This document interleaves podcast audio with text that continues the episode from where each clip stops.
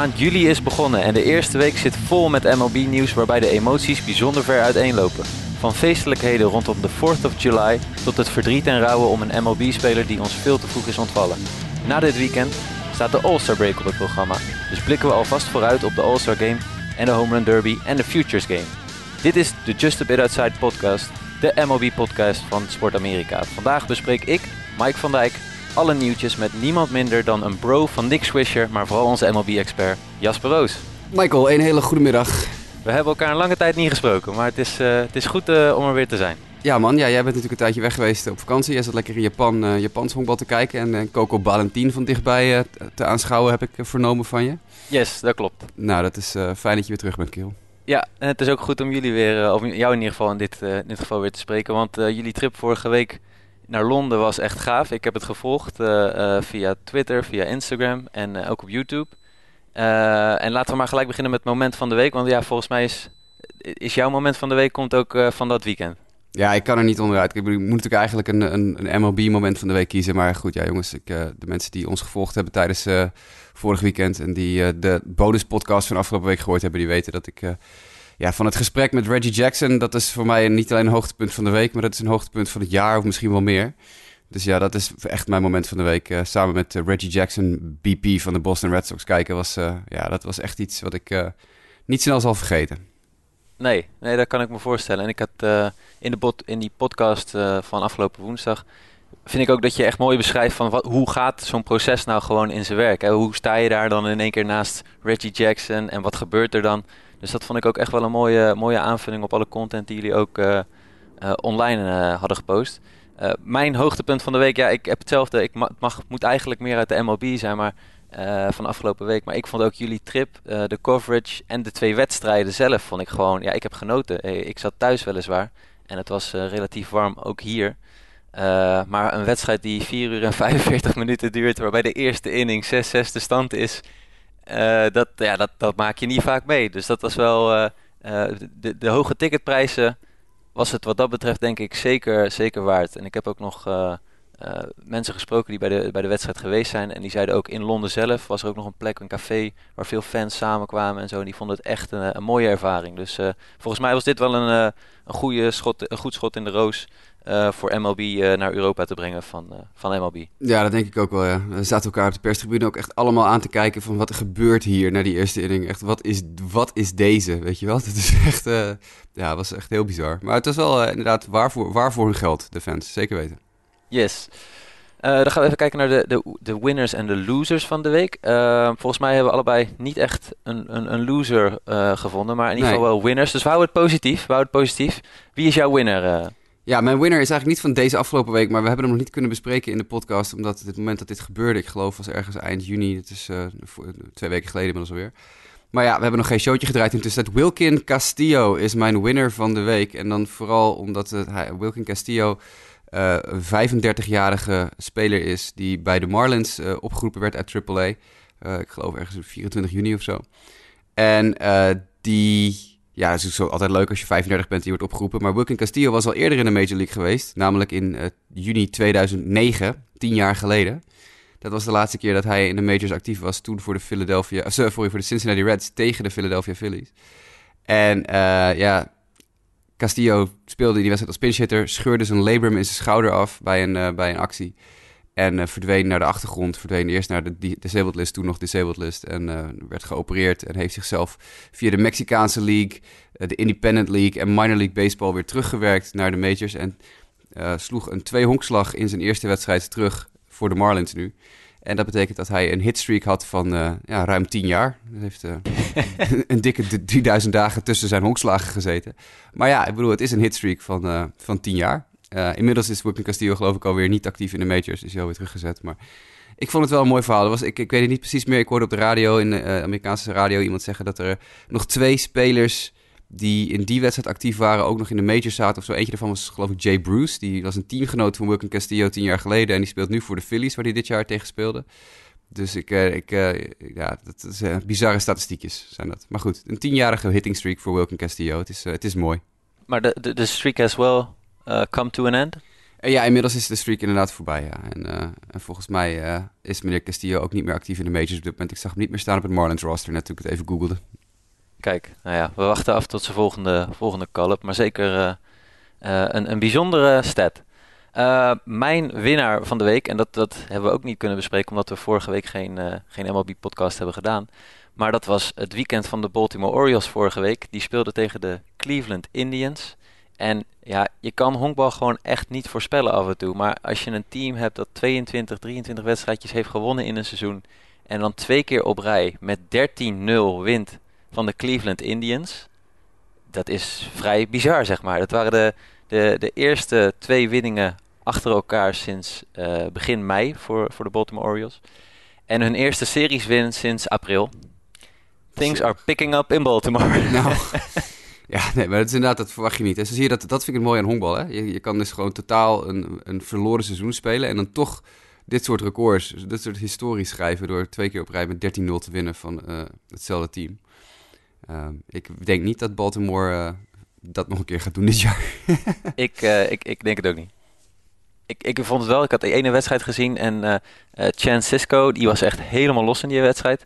Toen dacht ik, oeh, als hij iets eerder op het roster had gestaan en wat meer had gespeeld, dan was dit de all-star pick geweest, zeg maar, uh, voor Baltimore, uh, denk ik. Ja, wie is nu?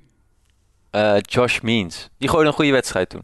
Ja. Die gooide een goede wedstrijd toen. Maar goed, ik denk dat niemand over vijf, zes jaar misschien nog weet wie... Wie Means is. Nee, nee ja, precies. Maar goed, we gaan het zien. Hij, hij is bezig aan een, een redelijk, redelijk seizoen. nou ja, er is voldoende te bespreken, overig nieuws te bespreken in de, in de Major League. En uh, ik denk dat het goed is om te beginnen met hetgeen wat echt aan het begin van de week uh, heeft plaatsgevonden. En dat is dat Tyler Skaggs uh, is overleden. de werper van de Los Angeles Angels op 27-jarige leeftijd. De wedstrijd, eigenlijk het, het, nieuws werd bekendgemaakt doordat de wedstrijd afgelopen maandag afgelast werd. Door het plotseling overlijden van Tyler Skaggs. een speler die voor de Los Angeles Angels, door de Los Angeles Angels was gedraft in 2009 samen met Patrick Corbin, Mike Trout en onder andere ook Randall Gritchuk. Echt allemaal spelers die nu in de Major League spelen. Heeft ook veel teamgenoten gehad in de Major League. En uh, je ziet ook dat deze, het, het plotseling overlijden echt een heleboel spelers raakt. En uh, ja, ik weet niet wat, jou, wat, wat jouw gevoel is bij het, bij het overlijden en, en wat jouw beeld was van de, van de werper en de persoon Tyler Skaggs, Jasper. Nou ja, ja, geschokt natuurlijk uiteraard. Ik bedoel, ik, ik, las het toen het net, net naar buiten kwam. Ik zat toevallig net op Twitter toen, het, door, toen de Angels een, een persrelease op, op internet knalden. En ja, het eerste dat je denkt is holy shit. Ik bedoel, dit, is, dit is altijd een schok. We hebben natuurlijk door de jaren heen wel vaker dit soort situaties gezien. In-season in, in -season overlijden van spelers of het in de postseason. Luis Valbuena buiten het seizoen nog. Andy Marte, Jose Fernandez, Nick Edenhart. nou ja, goed, het rijtje gaat door. Josh Hancock, Daryl Kyle. Uh, er zijn er vast nog wel veel meer.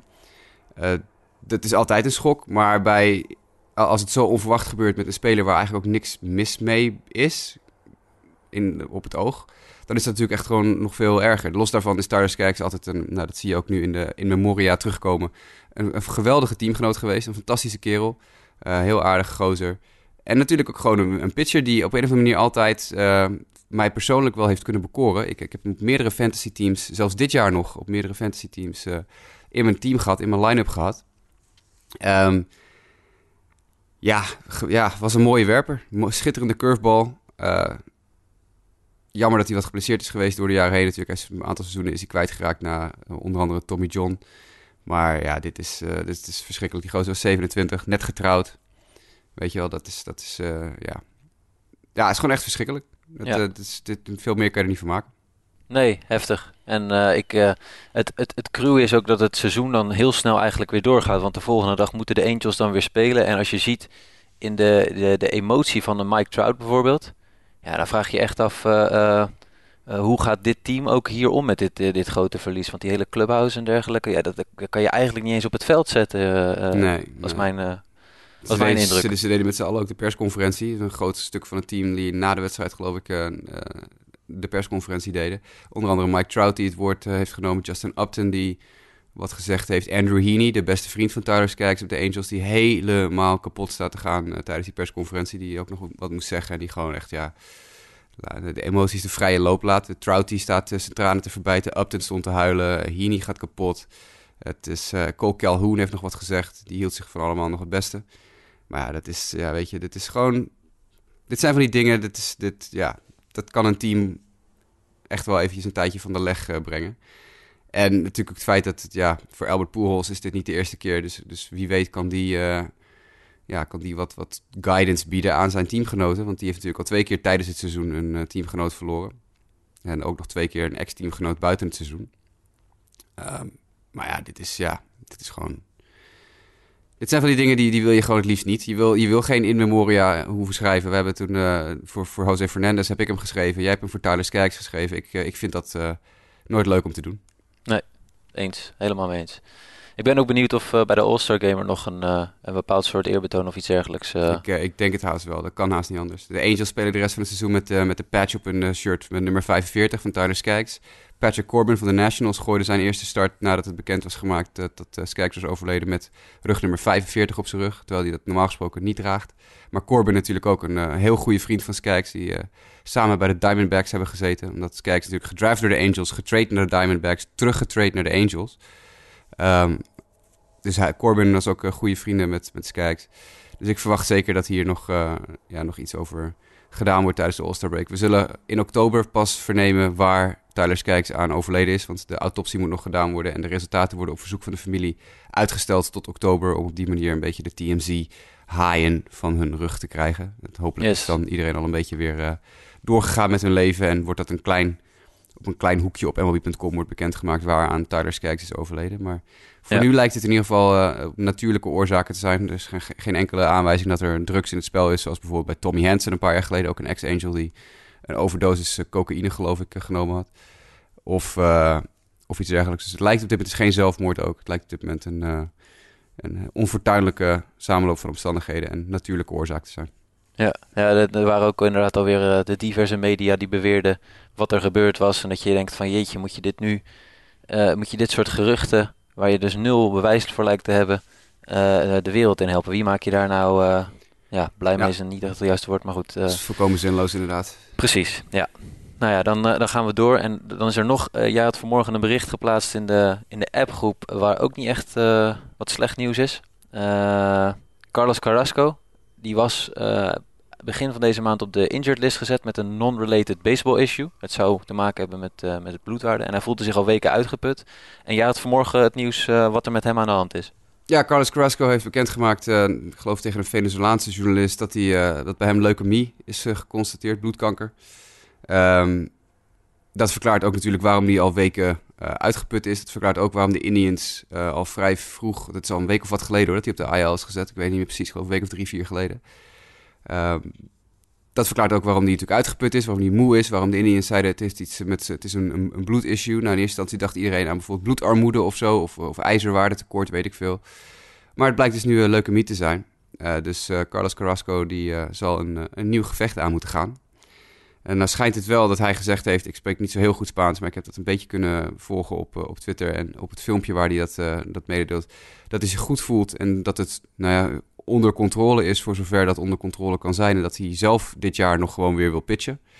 Maar ja, goed, dit zijn natuurlijk altijd dingen waar je even een serieuze stapje terug voor moet nemen. Dus ik denk dat wij Carlos Carrasco voorlopig uh, nog even niet in de majors zien. En ja, we hopen natuurlijk allemaal dat hij dit onder controle krijgt en dat, uh, dat de doktoren in staat zijn om hem goed te helpen. Ja, we wensen hem in ieder geval veel sterkte in het gevecht. en hopelijk ook een, een goed herstel. Zeker. Uh, dan gaan we door naar hetgeen wat na dit weekend uh, op het programma staat, namelijk de All-Star Break. Uh, met drie dingen. ten eerste de All-Star Game, de, de rosters en dergelijke hadden jullie eigenlijk ook al voor een, voor een groot deel vorige week besproken. in de uitzending vanuit Londen eigenlijk, hè? Ja. hoe toepasselijk. ja, we hebben hem besproken, alleen vielen de microfoons even uit tijdens de bespreking. Dus dat is één minuutje waar je onze snijdende analyse over de All-Star rosters niet hoort. Maar nou ja, dit, ik denk dat de rosters inmiddels wel bekend zijn en dat uh, iedereen daar zijn eigen meningen over heeft. En inmiddels zijn natuurlijk ook al wat injury replacements opgeroepen, dus er is wel iets verschoven. Maar nee, het is, uh, het is denk ik duidelijk dat er maar één All-Star team is dat gaat winnen. Ja? Vraagteken, ja? ja, ik denk dat de National League veel sterker is. Ja, dat denk, eh, dat denk ik ook. Maar tegelijkertijd, ik, weet je wat mooi is? Dit, volgens mij kan je deze wedstrijd best vaak spelen. En eh, eh, heb je steeds een andere winnaar. Ja, dat is wel waar. Maar ik, ik denk dat uiteindelijk toch, als je het puntje bij paaltje kijkt, dat het, uh, het National League team uh, iets minder onzekerheidjes in zitten dan in het American League team. Ik vind vooral de, dit klinkt misschien gek, maar de pitching van de National League uh, beter. Ja, dat klopt. Dat vind ik ook. Dus dat, dat, dat gaat mogelijk, mogelijk het verschil maken. Maar we gaan het zien. Misschien wordt het weer een gelijkspel. Dat is vaker gebeurd. Laten we hopen van niet, want dat is, nee. uh, dat is saai. Nee. nee, dat kan ik me voorstellen. Uh, dan hebben we ook de Home Run Derby. En uh, we gaan even, dat is net zoals vorig jaar, een, een linkerkant van een bracket en een rechterkant van een bracket. Daar zijn inmiddels de spelers ook voor bekend. Aan de linkerkant hebben we in de eerste ronde Christian Jelic tegen Vladimir Guerrero. En Alex Bregman tegen Jock Peterson. Ja, ik wat ben heel benieuwd, wat, heel benieuwd wat Vladdy gaat doen. We kennen natuurlijk allemaal nog het filmpje waarin hij uh, tijdens een of andere off-season uh, home run derby uh, 60 ballen op rij eruit. Nou, geen idee of hij dat weer voor elkaar krijgt, maar ik vind het wel, wel ben wel benieuwd wat hij gaat doen. Christian Yelich die blijft ook maar home run slaan. Die heeft zijn oude pitch, oude coach van de Marlins geloof ik gevraagd om te gooien naar hem. En toen hij van de week aan het oefenen was, sloeg hij een bal uit het stadion door een raampje van een boot. En toen is de politie gebeld omdat de eigenaar van de boot dacht dat er ingebroken was. En toen vonden ze een honkbal en toen bleek dat Christian Yelich die bal uit het stadion... Dat was geloof ik in Pittsburgh tijdens voor een wedstrijd tegen de Pirates... dat hij uh, een bal uit het stadion mapte door het raampje van een boot heen. Dus dat is... Uh, Pretty ja, accurate. Ja, is in, in, vorm inderdaad. Bregman en Peterson... Ik ben persoonlijk niet zo gecharmeerd van de keuze voor Alex Bregman. Niet dat ik niet denk dat het niet een goede honkballer is, maar als ik nou een home run derby wil zeggen, ik, hebben, ik denk niet direct aan een Alex Bregman. Uh, als ik aan echt, echt, echt moonshot home runs denk, dan waren er nog wel, denk ik, vijf of zes andere spelers in de American League die ook nog wel interesse hadden gehad om dat te doen. Uh, en hetzelfde heb ik een beetje met Jock Peterson. Hoewel Jock Peterson natuurlijk wel een beetje bekend staat om zijn gigantische homo's. Als hij erop zit, hij slaat ook vaak mis. Maar als hij erop zit, kunnen ze heel, heel, heel ver vliegen. Dus die kan nog wel eens voor spe spektakel gaan zorgen, denk ik. Maar ik, ik vind de keuze voor Bregman... Nee, daar had ik er nog had ik liever een paar andere jongens gezien. Dan had ik liever een... Uh, ja, weet ik veel. Een, uh, een, jongere gozer gezien nog. Een nog jongere gozer. Echt een van die rookies of zo, weet je wel. Met, met van dat enorme power. Was Chris Bryant nog een, een, een boeiende naam ervoor geweest? Misschien qua naam? Mm, misschien. Ja, het liefst hadden we Cody Bellinger, denk ik, hier gehad. Ja, maar het moet een American League speler zijn, toch? Ja. Het is de American uh, League tegen National League. Dus het nee, is, uh, nee, nee, dat is niet het geval. Want er is één uh, matchup die is tussen Oh ja, twee, twee, ja, ik zie het. Ja. Josh Bell en Acuna zijn inderdaad twee National League. Ja, ik had liever dan bijvoorbeeld nog een Gleyber Torres of een Eloy Jimenez... die, die uh, hoog op het lijst staat. Joey Gallo. Weet je, dat soort jongens zie ik dan liever dan Alex Bregman. Maar oké. Okay. We moeten het ermee doen. We moeten Ja. ermee. Ik, ik ben zelf, uh, ik, ik had een beetje hetzelfde gevoel, hoor. zeker met Bregman, dat ik denk van, ja, ja, ja, leuke speler, maar je, niet dat je hem heel snel verwacht in een, in een Nee. derby. Hetzelfde geldt, die- hetzelfde geldt voor Carlos Santana natuurlijk aan de andere kant van de bracket. Dat, dat vind ik ook geen slugger, weet je wel. Die staat bekend om zijn heel hoge OBP en vooral heel veel tweehondslagen. Maar ik, ja, Santana, die, dat is ook niet echt dat je denkt... Ja, dan zie ik dus liever inderdaad bijvoorbeeld een Cody Bellinger daar... of, of een Eloy Jimenez of een, een, een Joey Gallo. Want dan, Ja. dan weet je tenminste zeker dat er spektakel komt. En bij Carlos Santana is dat geen garantie. Ja, Gallo is eigenlijk ook gek dat hij er niet, uh, ja, is heel gek. dat hij niet bij zit. Je zei al, Carlos Santana, die neemt het in de rechterkant de eerste ronde op tegen Pete Alonso. Vind ik mooi. Je boy Pete. Ja man, vind ik mooi. Pieter Alonso, dat wordt echt eh, wordt een feestje. Of, of hij slaat er maar twee uit, of hij slaat er 60 uit en hij wint. Dat is... ja man, dat wordt ook mooi. Make or break, make or break. Ja. En dan hebben we ook nog uh, Josh Bell die het opneemt tegen Ronald Acuna Jr. Ja, ja Bell is mijn, uh, mijn favoriet. Ik denk dat Bell de home run derby gaat winnen. Ja, nou, ik, ben, uh, ik, ik was zelf ook wel gecharmeerd van Bell. Ik denk ook dat hij in ieder geval Acuna wel gaat verslaan. En dan ben ik benieuwd inderdaad tegen Pieter Alonso. Dat wordt denk ik ook wel een mooie finale van de rechterkant van de bracket. Uh, ja, ik denk, ik, zei, jij gaat voor, voor Josh Bell. Ja. Uh, ik ga voor iets anders en dan zit ik even nog een beetje te twijfelen. Maar ik denk, aan de, weet je, het is ook weer aan welke kant van het schema zit je. Ik denk dat Jack Peterson de finale gaat halen en misschien dat hij dan weet te verrassen uh, als winnaar van de, van de Home Run Derby. Dus ik ga voor een dark horse. Ik ga voor Jack Peterson. Ja, mooi. Dus ja, mocht je, mocht je als luisteraar denken van, hé, hey, ik weet het beter, uh, tweet een berichtje wie jij denkt dat uh, de Home Run Derby in ieder geval gaat winnen. En dan uh, kunnen we daar ongetwijfeld nog over in discussie gaan. nou ja, het feit dat ik nu gezegd heb dat Carlos Santana niks te zoeken heeft in de Home Run Derby, betekent dat Carlos Santana de Home Run Derby gaat winnen. Dus als je nog Ja. geld uh, hebt in te zetten, is dat misschien wel een goed idee. Precies, precies.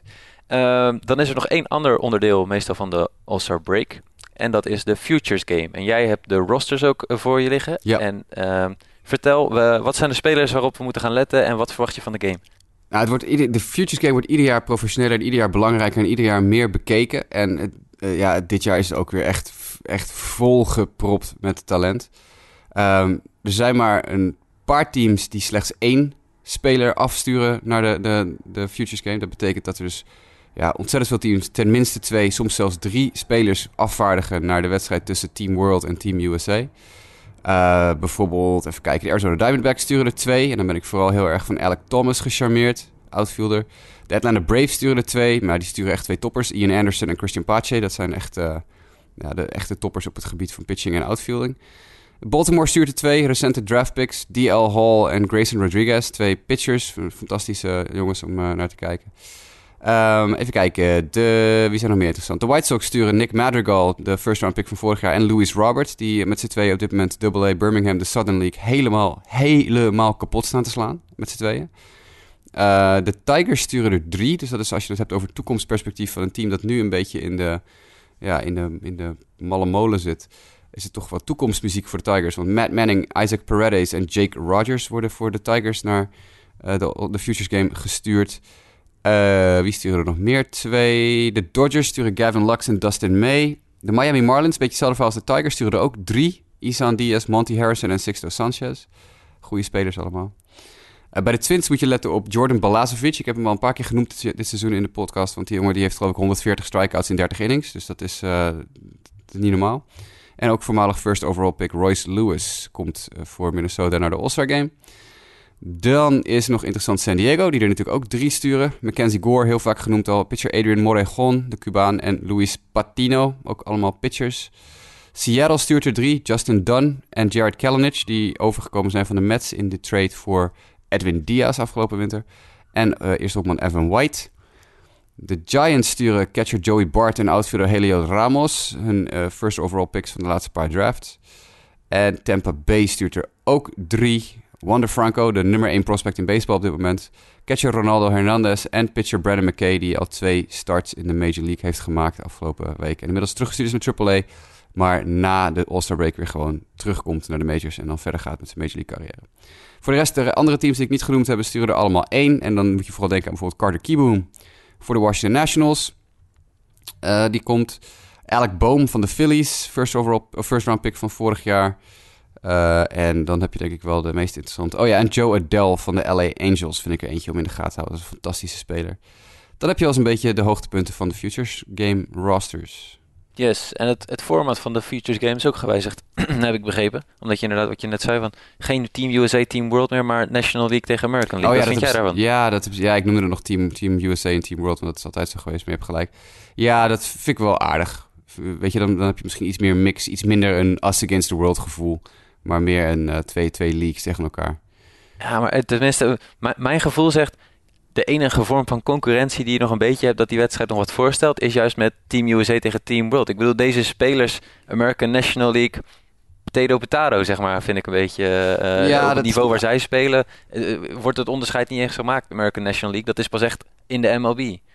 Ja, dat is misschien wel zo. Maar juist omdat de, de minors zoveel dichter tegen een Major League niveau aan beginnen te zitten. En hier zitten zeker 10, 15 spelers in die morgen in de majors zouden kunnen spelen en zich prima zouden kunnen redden er zitten er al een paar in. Ik zeg Brandon McKay net al. Dat is eigenlijk al gewoon een major leaguer, weet je wel? Dat is... Dat is ja. Ik, uh, ik, ik denk dat het gat zo klein is geworden tussen de majors en de minors... dat ze het iets meer wilden hebben opbouwen als een soort van minor league all-star game in het, in het major league format. Ja. Ja, we gaan het zien. Kunnen uh, die wedstrijd, ja, die wordt meestal niet aangeboden via uh, MLB? ja hoor, MLB, MLB.com, gewoon uh, okay. live, live te zien. Ook die valt dus gewoon te kijken. Ja. Nou ja, tot zover zeg maar de, de All-Star break. Uh, geef weer even wat tijd en rust. En voor sommige teams komt dat denk ik goed uit. voor anderen misschien wat, wat minder, omdat ze net in een, in een flow zitten. Dan gaan we gewoon weer terug naar wat er gebeurd is, zeg maar, de afgelopen week. En ook afgelopen nacht was er nog wel iets speciaals. De San Diego Padres speelden een wedstrijd tegen de Los Angeles Dodgers. En zoals mensen misschien gelezen hebben in het nieuws, was er een aardbeving in Los Angeles. En in de vierde inning van de wedstrijd uh, heeft die aardbeving ook uh, Dodger Stadium uh, doen trillen. Ik vond wel de, de, de, beste quote die ik vond was Eric Lauer was op dat moment aan het werpen en die zei: Not many people can say they threw a strike during an earthquake. Net als een stevige, stevige earthquake ook trouwens. Ik heb die beelden wel gezien van, uh, van snelwegen die door midden braken en, uh, en zwembaden die overstroomden. Het was niet dat je denkt ook eventjes een aardschokje of zo. Nee, dat was echt een uh, hoofdletter. Nee, en, wat, wat, wat doe je op zo'n moment als je op upper deck zit, zeg maar, in Dodger Stadium? Dat vraag ik me dan ook af. Ja, dat zou ik ook niet zo snel 1, 2, 3 weten. Want ik weet niet hoe, hoe, hoe lang die earthquake doorgegaan is. Dat heb ik, ik heb me daar niet heel erg in verdiept. Maar ik zou op een gegeven moment toch wel even naar de begane grond peren, denk ik, ja. Ja, want je weet toch niet. En de wedstrijd is verder gewoon, uh, gewoon uh, rustig uitgespeeld. Ik heb zelf toevallig een aardbeving meegemaakt in Japan. Maar ja, dat is wel iets anders dan, dan, dan dit. Maar um, uh, ja, ik zou me ook even checken van... joh, ga ik nu rustig een honkbalwedstrijd verder kijken of... nou ja, we gaan het zien in ieder geval. De, de Padres wonnen de wedstrijd met, met 3-2.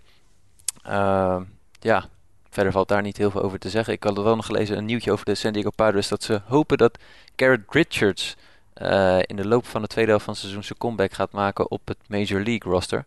Uh, en uh, dan weer inzetbaar is. Ze hebben natuurlijk diverse pitchers die niet het hele seizoen kunnen gooien en een inningslimiet hebben. Dus dat zou voor hun op zich wel een, een fijne comeback zijn, toch? Ja en nee. Uh, ja, omdat Garrett Richards natuurlijk een upgrade is als hij normaal gesproken uh, gooit zoals hij kan over een aantal jongens die nu in hun rotation zitten. En nee, omdat je niet gegarandeerd bent dat Garrett Richards meer dan vier starts maakt dit jaar of zo, voordat de boel weer kapot gaat. Ja. Dus uh, als je stabiliteit zoekt, is hij juist weer niet het antwoord. Maar als je een upgrade zoekt, een mogelijke upgrade met upside, dan zou je zeggen inderdaad, dat is zeker een, ja, iets waar ze naar uit kunnen kijken.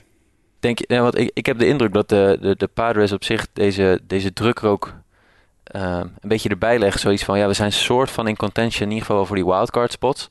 Uh, helpt het dan om zeg maar, zo'n speler sneller terug te rushen naar het roster? Ja, dat is een gok die je neemt. Weet je, dat is als ze denken van oké, we moeten nu even een paar wedstrijden winnen of zo, we gooien er maar in. Met het risico dat hij weer uitvalt. Ja, ja. ik weet niet of ik dat zou doen. Maar ja, dit, nogmaals, dus ze hebben het risico genomen om hem vast te leggen. Wetend dat hij iemand is die heel veel geblesseerd raakt. Dus ja, ik bedoel, uh, je, wilt toch op een gegeven moment een beetje return on investment, toch? Ja, nee, dat, uh, dat zal ongetwijfeld uh, daarin meespelen.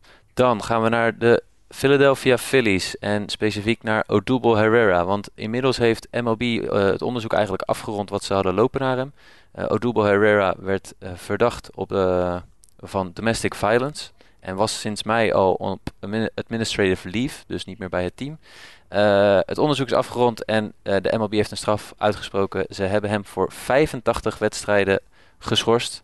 Uh, dat betekent de rest van dit seizoen. Plus volgens mij nog net wel of net niet een stukje van volgend seizoen. hij mag in ieder geval niet spelen in de postseason, mochten de Phillies dat, dat bereiken. En dit is op zich, ja, Jasper, hoe kijk jij tegen deze schorsing uit? Nou, hij heeft zijn vriendin of de vrouw in kwestie die het slachtoffer zou zijn geweest van deze domestic violence situatie, heeft haar uh, aanklacht ingetrokken. Dus de politie vervolgt uh, Odubel Herrera niet meer. Maar MLB heeft onderzoek gedaan en die hebben toch dan voldoende... Ja, die kunnen dan iets meer doen misschien dan de politie... want die hebben voldoende aanwijzingen dat het wel heeft plaatsgevonden. En kunnen hem dan alsnog dus straffen met een straf die vergelijkbaar is... met uh, al die andere jongens die we de laatste paar jaar... Uh, na domestic violence geschorst hebben zien worden. Um, ik ben een beetje... Nou, teleurgesteld wil ik niet zeggen... maar ik, ik, vind, ik vind de reactie van de Phillies hierop dan weer een klein beetje jammer die in eerste instantie natuurlijk heel goed hebben gehandeld door meteen eruit te sodemieteren en te zeggen van oké, uh, terwijl dit onderzoek loopt, nee. En dan komt er dus uit dat hij schuldig is en dan zeggen de Phillies van nou, we zijn heel blij dat Odubel Herrera schuldbewust is en dat hij zichzelf in de toekomst wil verbeteren. Waarmee ze dus eigenlijk gewoon de rode loper uitleggen voor hem en zeggen van luister, als je gewoon je koest houdt de komende 85 wedstrijden, van harte welkom terug bij Philadelphia Phillies uh, in springtraining. En daar had ik stiekem toch even Jimmy uh, wel even iets over willen vragen wat hij daar als resident Philly expert van vindt. Maar dit zou ik wel weer echt een ongelofelijke ja, matige actie vinden. Als, als Herrera gewoon volgend jaar weer voor de Phillies uh, uit mag komen. Nu de Phillies zo positief hebben gereageerd op, op deze ontwikkeling eigenlijk. Ja, nou, en het is ook wel de vraag of Odubel Herrera een plekje weer kan terug weten te veroveren in, op het roster. Dat is natuurlijk altijd wel de vraag, maar ze hebben in ieder geval de deur open gehouden. Terwijl ik waarschijnlijk het liever gezien had dat ze net zo daadkrachtig hadden gereageerd als toen het verhaal naar buiten kwam. En hem gewoon meteen de toegang tot de club hadden ontzegd. Maar helaas. Ja, ja, ja nee, dat denk ik ook. Dat was... Uh dat was beter geweest. Maar goed, dan moeten we dus in ieder geval even afwachten. Uh, dit seizoen loopt Herrera in ieder geval door de schorsing ook zijn salaris mis van 5 miljoen. Ja, dat is niet dus, verkeerd. Uh, nee, zeker niet. Uh, op het veld werden ook nog wat records gezet. En om te beginnen gaan we terug naar eigenlijk vorige week. Want jij was getuige van een van die record streaks, als het ware. De New York Yankees die hebben een record gezet met 31 wedstrijden op rij, een home run. Ja. Eh, hoe was dat om te zien? Nou ja, dat werd als eh, door de persbox PA meteen eh, doorgetetterd toen die bal eruit vloog. Dus dit is de 31ste wedstrijd op rij of zo waar eh, de Yankees een home run eh, slaan. Ja, wat, ja oké. Weet je, het past helemaal in het plaatje van dit seizoen, van deze, deze tijden in het, in het honkbal. Dus ik was niet heel verbaasd, maar ja, leuk, leuk voor ze. Het zoveelste home run record, er komt er nog eentje zo meteen eh, in deze show. Ja. Eh, het, het regent home run records en we weten allemaal waarom. En we moeten maar afwachten wat we daarvan vinden in de toekomst. Ja, precies. Nou, ja, en ik bedoel, met de Yankees, op een gegeven moment was die streak nog wel een beetje in gevaar.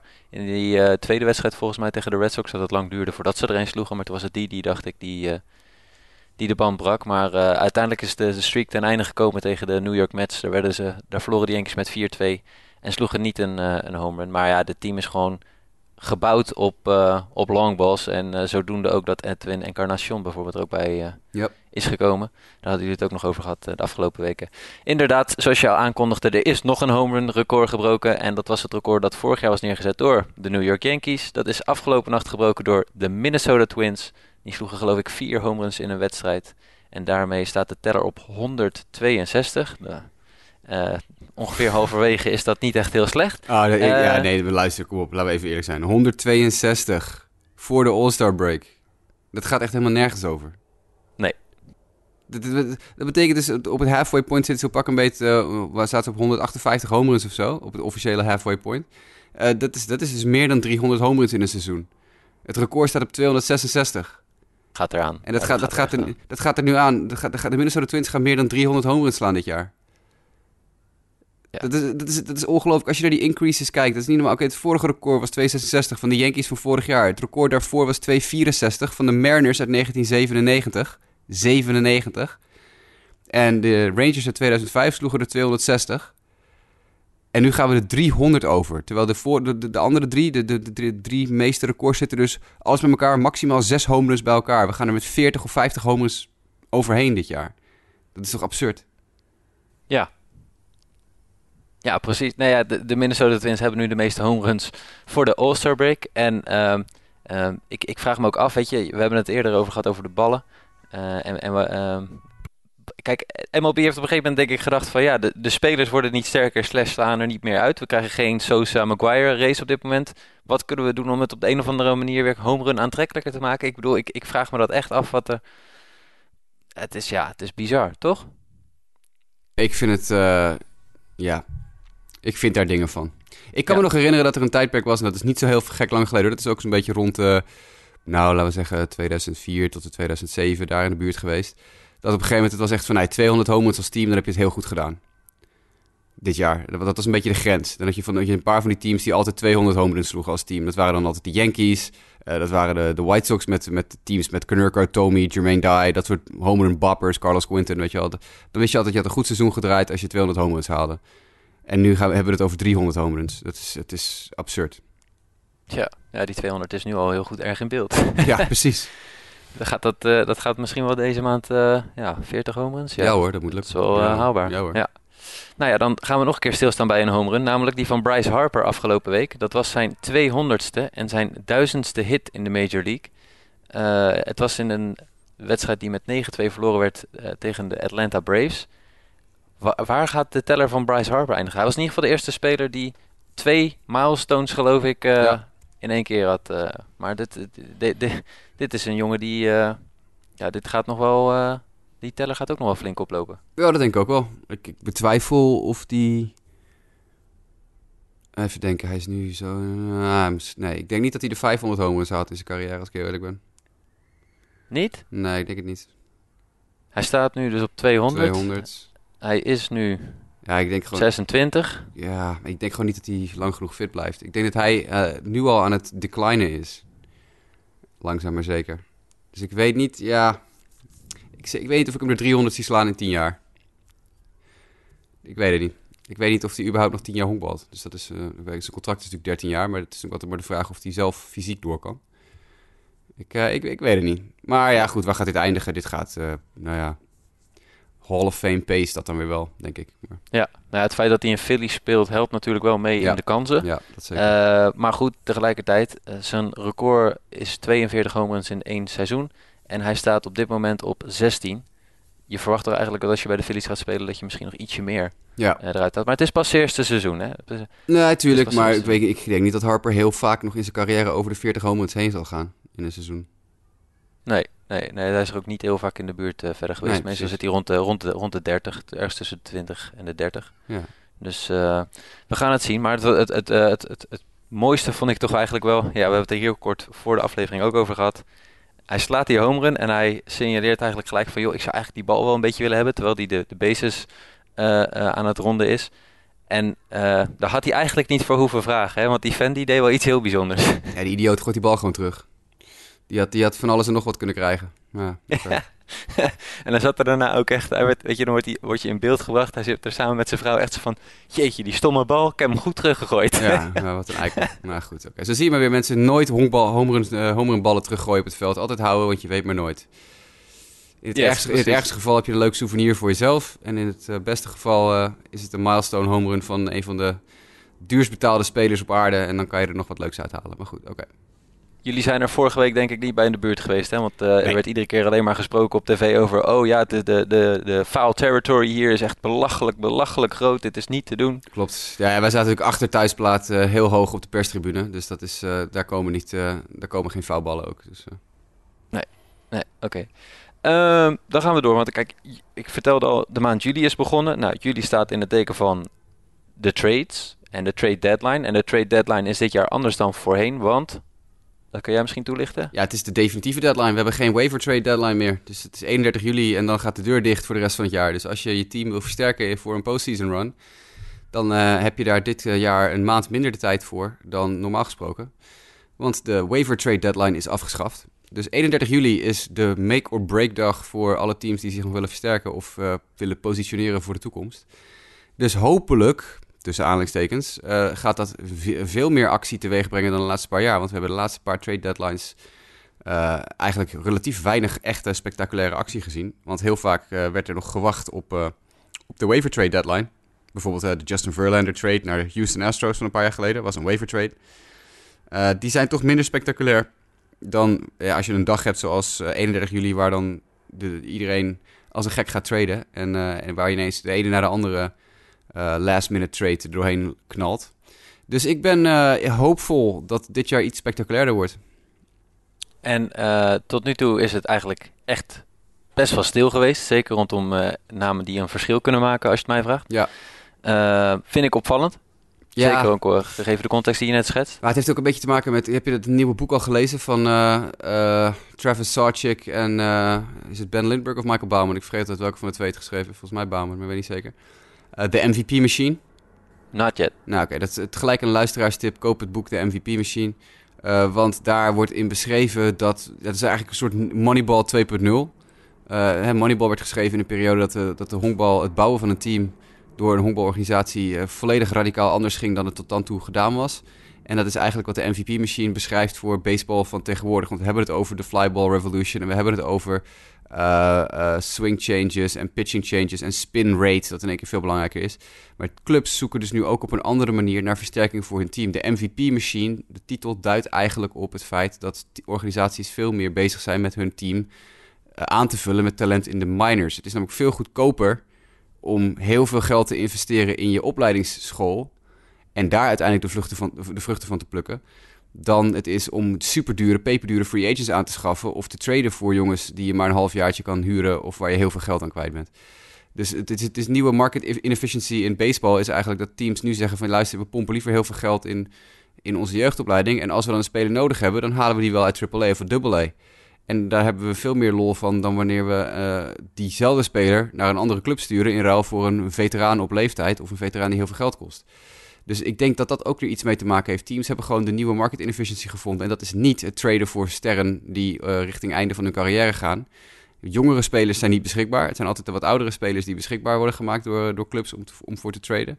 Eh, en dat is gewoon op dit moment niet hoe je een Major League team bouwt. Je bouwt een team vanuit je eigen minor league organisatie en niet vanuit de, het traden of het, het, vastleggen van dure free agents. Dat zie je natuurlijk ook elke offseason. Hè? Dat, dat, heel lang wordt gewacht met het vastleggen van spelers of spelers die ineens voor verrassend weinig moeten tekenen.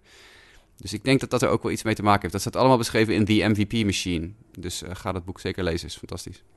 Kijk, dat is nog eens een goede tip zo op de zaterdag voor het weekend, toch? Ja, ja je moet echt lezen. Het is echt uh, het is radicaal vernieuwend, net als Moneyball was.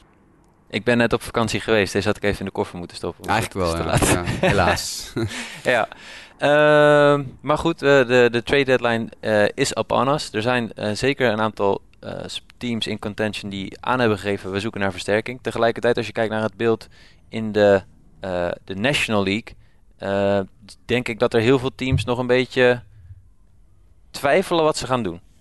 Ja. Dat, dat gaat niet helpen. Nee, en er zijn natuurlijk best wel wat spelers beschikbaar die op zich wel heel fascinerend zijn om aan je team toe te voegen. Maar de vraag is voor hoeveel. Kijk, als je een Kirby Yates of een, of een Zach Wheeler of een Trevor Bauer of zo, weet je, dat iedereen moet daar eigenlijk wel geïnteresseerd in zijn. Vooral Yates en Bauer, Wheeler misschien nog iets minder. Maar bijvoorbeeld ook een Madison Baumgartner, die wiens contract ook afloopt. Ja, ik zou als club niet geïnteresseerd zijn in Madison Baumgartner. Ook al is hij nog niet zo heel oud, hij is ook niet zo super betrouwbaar meer. En je moet waarschijnlijk een behoorlijke, behoorlijk kapitaal ervoor neerleggen om hem te kunnen binnenhalen. Dus ja, dan denk ik toch meer aan jongens als bijvoorbeeld een Clint Frazier bij de Yankees, die daar een beetje op een doodspoor is geraakt. Die is nog wel heel jong, relatief jong. Uh, die zou een team dan wat sneller kunnen helpen. En die is waarschijnlijk ook voor veel minder geld uh, binnen te halen. Um, het geldt ook een klein beetje voor misschien wel Nick Castellanos, wiens, wiens contract ook aan het aflopen is. Dat zijn nog jongens in een leeftijdscategorie dat je denkt, oké, daar kunnen we nog wel, daar zit nog wat toekomstmuziek in er wordt veel gepraat ook over Anthony Rendon, maar die schijnt weer dichter bij zijn contractverlenging te zijn bij de Nationals nu dan een paar weken geleden. Dus dat is, daar zou je dan weer behoorlijk wat voor neer moeten leggen. En wat, dat is dan weer niet logisch, want die is alweer wat ouder. Die is al de 30 over geloof ik inmiddels, dus ja, dat wordt ook een probleem. Hetzelfde gaat een klein beetje voor Jose Abreu. Uh, Abreu die is natuurlijk ook al wat ouder, heeft wel een fantastisch seizoen weer, staat hartstikke goed te spelen. Maar ja, de vraag is maar, hoe, wat willen teams voor hem betalen en in hoeverre wil, wil de club in dit geval de White Sox hem houden, weet je wel. Kijk, ze kunnen natuurlijk zeggen, we doen de truc die, uh, die door andere teams de laatste jaren ook al gedaan is. We traden hem weg voor een half jaar en in het offseason krijgt hij weer een free agent deal van ons. Komt hij gewoon weer terug. Um, maar ja, ik weet ook niet of dat op dit moment uh, voldoende oplevert om door die hele problematiek heen te gaan. Dus er is wat dat betreft gewoon een heel interessante fase waar we in zitten als, als Major League Baseball en als, als honkbalkijkers. Is dat je gewoon, ja, de, de clubs zijn op een heel andere manier bezig hun team samen te stellen. Nou ja, en sommige spelers zijn ook met hun, uh, hun lucratieve contracten, waarmee ze zelf heel veel binnenhalen, moeilijk te, uh, te traden op een gegeven moment. Neem een, uh, een Ian Kennedy die, nu, die het nu best goed doet als een closer. Maar goed, dat is, die jongens contract, dat gaat niemand, geen enkel team willen hebben, zeg maar. Nee. Zach Greinke, denk ik een beetje hetzelfde, hetzelfde Los van, verhaal, ja. Los van dat hij een, een no-trade teamlist heeft van... zeg maar ongeveer de helft, de helft van alle Major League teams. Dus uh, dan, dan zie je ook gewoon dat zo'n speler moeilijk te verplaatsen is uh, als, als organisatie. Dus ik ben eigenlijk ik ben, ik ben benieuwd wat er gaat gebeuren. Of het, of het echt nog zo, uh, zo druk gaat worden. Ik verwacht het eigenlijk steeds minder. En ik, wat ik zeg, ik, ik vind het... als ik bijvoorbeeld de Diamondbacks was, maar dan praat ik even uit eigen perspectief...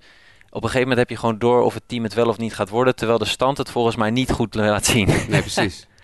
Want ik heb niet zo'n hele hoge pet op met hoe het nu gezondheidstechnisch uh, gaat met Diamondbacks en hoe ze staan te spelen. Maar goed, verkoop het maar eens aan je fans dat je uh, in contention zeg maar gaat cellen. Ja. Dus, ik vind het wel jammer hoor, stiekem, als ik heel eerlijk ben. Want ik, ik, ja, ik was, ik ook. was altijd enorm, ja, ik ben liefhebber van, van, van de trade deadline, het hectische van de trade deadline. Ja, precies. Ik bedoel, je wist gewoon, weet je, de, de, we gaan het hebben, misschien dat we nog speciale dingen gaan doen rondom de trade deadline, maar uh, tot een paar jaar geleden was het gewoon dat er op die dag gewoon tig deals gebeurden. En een dag later moest je nog even bijkomen van wat zijn er. Oh, is die speler ook geruild? En, en dat zie je gewoon nu tot nu toe deze, dit seizoen een stuk minder uh, ja. uh, gebeuren. Ja, absoluut. Dus we gaan het in ieder geval voor jullie volgen. er zijn ook een aantal spelers die zijn in ieder geval beschikbaar gekomen als free agent. Namelijk Brad Boxberger, de reliever van de Kansas City Royals. Die is gereleased. Uh, Cargo en Cargo, Carlos Gomez en Carlos Gonzalez. De Cubs hebben Carlos Gonzalez gereleased en de Mets Carlos Gomez. Yander Alonso van de Chicago White Sox en AJ Reed van de Houston Astros. Wel een paar opvallende bijzichten. Ten eerste de, de Cargo, uh, duo Cargo.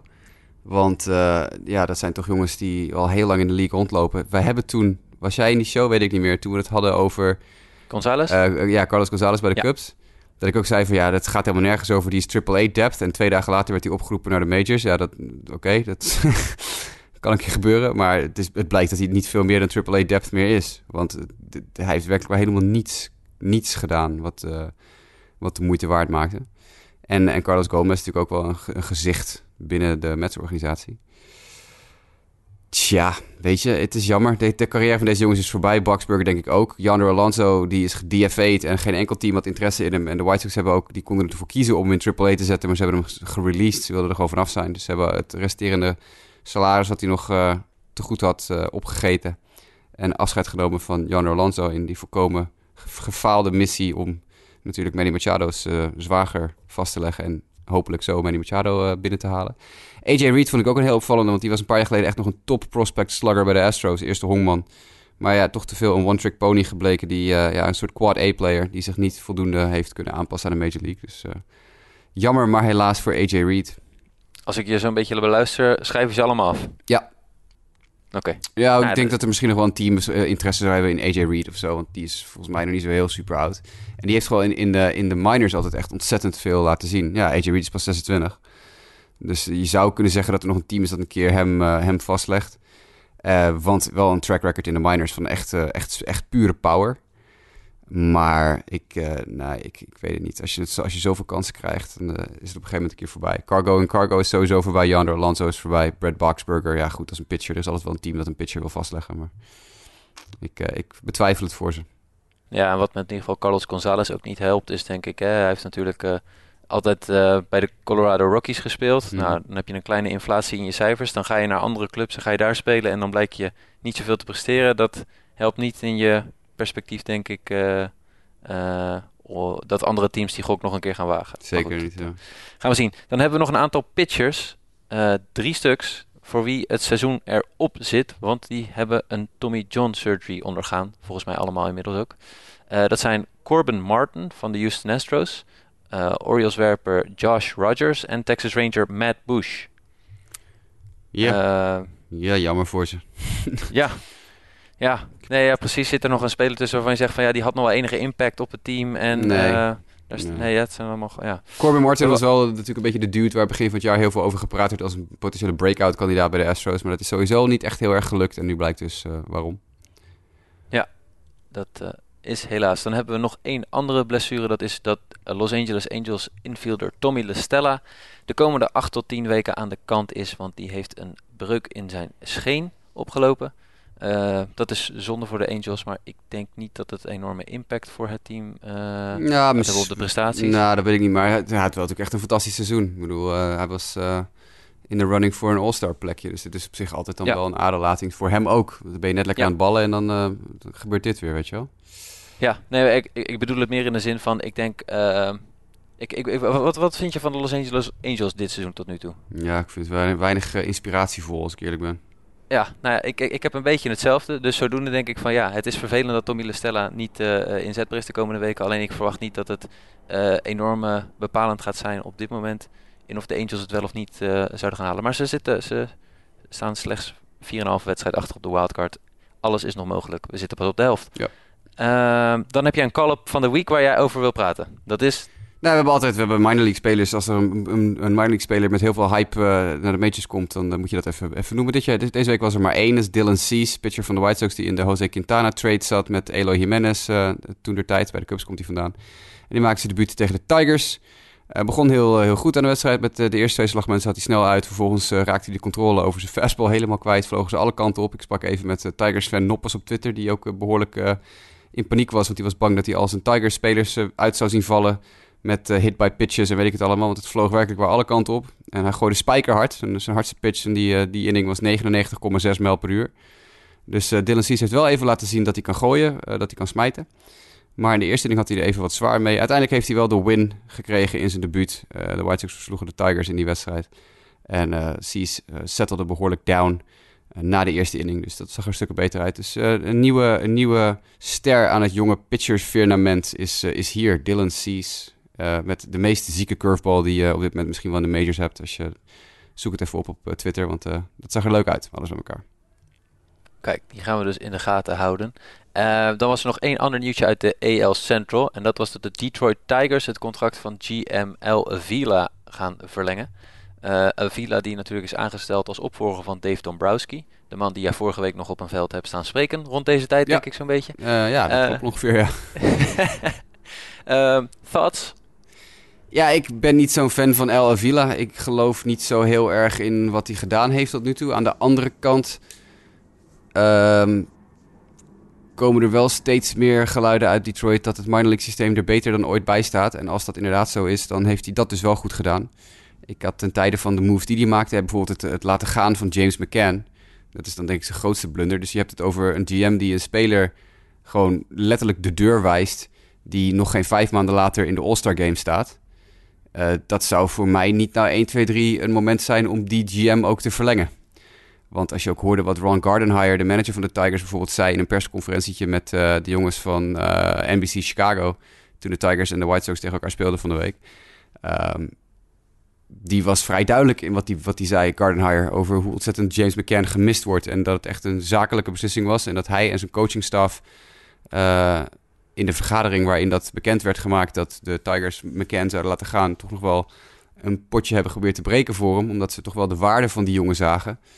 Uh, dat zegt denk ik wel genoeg uh, over de gedachten binnen de organisatie over de beslissing van El Villa om James McCann gewoon eruit te knikkeren. Uh, dus ja, dat zou voor mij niet 1, 2, 3 het moment zijn van... hé, hey, we gaan even iemand verlengen. Ik bedoel, wat zou jij, wat zou jij vinden als je, als je organisatie een speler eruit gooit... die vier maanden, vijf maanden later in de All-Star Game staat? Dat zou, ja, ik zou er niet heel gelukkig van worden. Staan, nee, ik zou, ik zou er niet van staan te springen, inderdaad. Nee, uh. precies. Dus uh, ik, ik ben niet zo... Ik, ja, ik, weet, ik geloof niet zo heel erg in wat El Vila loopt te doen. Maar blijkbaar de Illich-familie wel. Dus dan, ja, die gaan er uiteindelijk over. Ja.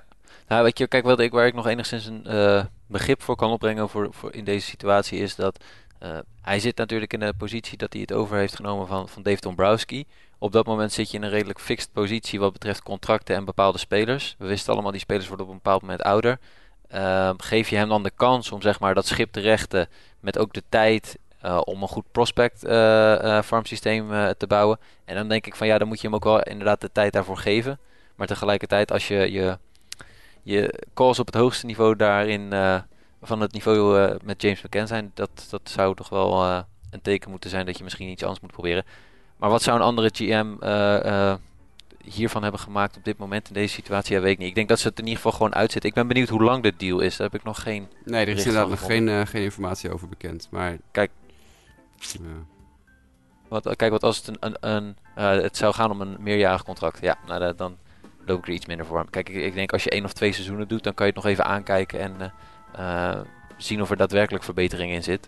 Maar uh, we gaan het in ieder geval volgen. Ehm, volgens mij was dat het. Volgens mij ook. Yep. dan ga ik nog heel even zeggen dat we altijd zitten te wachten op jullie mailback vragen. Dus als jullie een vraag willen insturen, stuur dan naar justabitpodcast.gmail.com justabitpodcast.gmail.com uh, maar je kan natuurlijk ook altijd ons een berichtje sturen of een vraag sturen op Twitter. Dat is voor Jasper, @jasperroos. Voor mij is dat mdijk90. Voor Justin is het jwkev. Uh, voor Nick is het inickd. En voor Jimmy is het Jimmy Driesen. Uh, dus jullie kunnen ons altijd via die verschillende manieren bereiken. Verder wil ik nog tippen dat we ook weer een Instagram account hebben. En daar staat nog mooie content op, mocht je hem gemist hebben. Uh, van vorige week van de London Series. Dus dat is at sportamerika underscore underscore NL. Dus dat is een dubbele underscore. Uh, en volgens mij was dat uh, het zo'n beetje, toch Jasper? Ja, volgens mij wel. Ik heb even opgezocht. Het was Ben Lindbergh en Travis Sarchik, niet Michael Bauman. Dus als je nog de MVP-machine wil kopen, Amazon, Duitsland, beschikbaar voor 26,99 euro van Ben Lindbergh en Travis Sarchik. Yes, of eventueel het e-book, dat zal ongetwijfeld ook nog ergens Ongetwijfeld te ergens zijn. te verkrijgen zijn. En uh, bol.com verkoopt hem ook, maar dan is de levertijd wat langer. Dus vandaar dat ik Amazon Duitsland tip, want dan is het een drie dagen of zo. Dus. Kijk, dan wil ik jou hartstikke bedanken uh, Jij ook, voor deze show. Yes, uh, en ik denk dat wij volgende week er weer zijn. Ga er wel vanuit. Yes, dan recappen we onder andere de All-Star Break. We bedankt voor het luisteren en tot de volgende keer.